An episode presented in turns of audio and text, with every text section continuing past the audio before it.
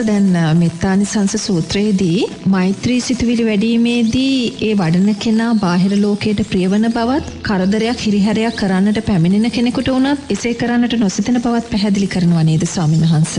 මෙහෙමනි දරුව ඒක වෙන්නේ මෛත්‍රී වැඩීමෙන් ආනිසංස එකොළහක් එයාට ලැබෙනවනේ එයා සුවසේ නින්ද යනවා සුවසේ ඇහැරෙනවා සුවසේ අවදි වෙනවා දෙවියන්ට මනුස්සෙන්ට ප්‍රිය වෙනවා වසවිසෙන් හානි වෙන්නේ නෑ සිහිමුලා නොවී මැරෙන්නේ කාගෙන්වත් අනතුරක් වෙන්නේ නෑ ශරීරය ප්‍රසන්න වෙනවා එතුවට දැම් මේ ආනිසංස ලැබෙද්දී ඔබට මාව ප්‍රිය වෙනවා.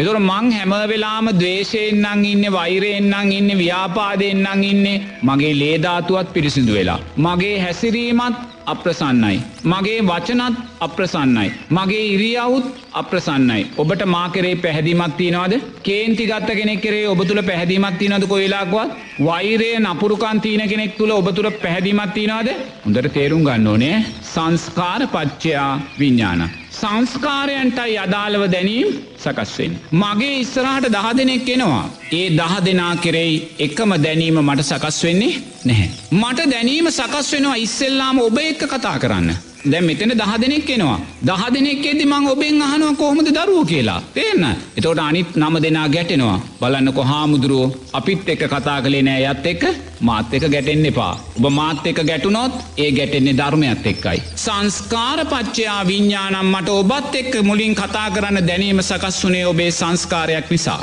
තේරනාද සංස්කාරයට බර දෙන්නේක මේක සමාජය ඕන තරම් වෙනව. මාව මුණගැහි ලබුතේ ගිහිල්ලා අනුන්ට කියනවා අය ඉන්නවා පින්වත් මහත්තුරු නෝනලා. මම ගියා ආරයඥාන හමුදුරුව මාත් එක්කනම් වැඩිය කතා කළේ නෑ. අහවලත් එක්කනම් ගොඩක් වෙලා කරන්න යන්න පුතේ. මම්මනවා කරන්නට ඒ සංස්කාරයන්ට අදාළ පුතේ. තේෙන්නාද අපේ ස්වාමින්හන්ස බුදුරජාණන් වහන්සේගේ දවස උන්වහන්සේ සිව්වනක් පිරිසට ආමන්ත්‍රණය කළෙත් ඒ ආකාරයට නේද අපේ ස්වාමින්හන්ස ඒ ඒ පුද්ගලයාගේ සංස්කාරවල ස්වභාවය ඒ සංස්කාර වැඩි ඇති ස්වභාවය අනුව විමසල බලල නේද ස්වාමින්හන්ස බුදුරජාණන් වහන්සේ ඒක කරන්න පුතේ උන්වහන්සේ අනුන්ගේ සිත් බලලා. තේෙන්නාද? අනුන්ගේ ඉන්ද්‍රිය ධර්මයන් බලලා. මට අනුන්ගේ හිත් බලන්න බැහැ. මට අනුන්ගේ ඉන්ද්‍රිය ධර්මයන් බලන්න මට දන්නේ මට එවිනි ඥාන නැහැ තේන මංගේක විවෘතව කියනවා. ඒක ඉබේම වෙන දෙයක් ඒක ධර්මතාවයක් සංස්කාරයන්ට අදාළව දැනීම සකස් වුණා. ඒක ඉබේම සිද්ධ වෙන දෙයක් ඒක ධර්මතාවයක් ඒක අයිති ධර්මයට ඒක මගේ පෞද්ගලික දෙයක් නවත් බුදුරජාණන් වහන්සේලා එමනිමේ උන්වහන්සේලා අනුන්ගේ හිත් බලනවා. අනුන්ගේ ඉන්ද්‍රිය ධර්මයන් බලනවා. එහෙම බලලයි බුදුරජාණන් වහන්සේ කතා බහ කරන්නේ. බුදුරජන් වහන්සේ කියනවනේ ඔබට කුඹුරු තුනක් තියෙනවා. එක කුඹුරක් තියෙනවා ඒකට හොඳට වැස්සත් තියෙනවා. අව්වත් තියෙනවා. සතුන්ගෙන් හානියකුත් නැහැ. දෙවෙනි කුඹුර තියෙනවා. ඒක පුතේ වැස්ස තියෙනවා. නමුත් සතුන්ගෙන් ගොඩාක් හානි.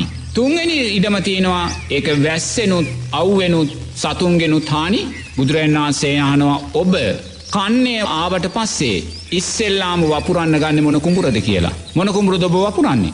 අර හොඳින් වැස්ස හොඳින් අව්ව සත්තුන්ගෙන් හානි නැති කුඹුර තමයි ඔබ වපුරන්. මොකද එතනයි පලදා වැඩි එතන යාදායම් වැඩි එතනයි ශක්තිය වැඩි. ඒක වැපුරුවාට පස්සේ ඔබ දෙවැනි කුඹුර වපුරනවා. මොකද නමුත් එතන සත්තුන්ගෙන් පීඩාවන් තියෙනවා. නමුත් ඔබ ඒකත් වැටවල් බැඳලා මේවා කරලා ඔබ ඒකත් වපුරනවා. ඔබ ඒකත් කරලා ඉවරුණාට පස්සේ දැන් ඔබට කාලය තියෙනවා. ඔබ මොකද කරන්නේ තුන්වෙනි කුඹුරත් වපුරලා දානවා ලැබෙන අස්වැන්නක් ලැබපු දෙන් එහෙම නැත්නම් මගේ සත්තුන්ට හරි මම මේ ටික කපලා ගෝයන් ටික කපලා දෙනවා කියලා ඒකත් වපුරනවා. ප්‍රයෝජනයක් නැහැ කියලා කියන්න බෑ කාටවත්. ඕනම කෙනෙක්ගේ ඉන්ද්‍රිය ධර්මයන් යම් ප්‍රමාණයක් තියෙනවා. ඒ නිසා ඕනෑම කෙනෙක් ශාසනයට ප්‍රයෝජනවත්. ප්‍රයෝජනයක් නැහැ කියලා කිසිම කෙනෙක් අපිට අතහරින්න බැහැ. ඒම අතහැරියොත් එතන අපේ කරුණාව කියන කාරණය අභියෝගට ලක්වෙනවා. නමුත් අපිට කෙනෙක් එක්ක ඇසුරු කිරන්න කෙනෙක් එක්ක කතාබහ කරන්න කෙනෙක් එක්ක ධර්මය බෙදාහදා ගැනීමේදී සංස්කාරපච්චයා විඤ්ඥානන් කියන කාරණය ඉතාමත් වටිනා තැනක් වෙනවා.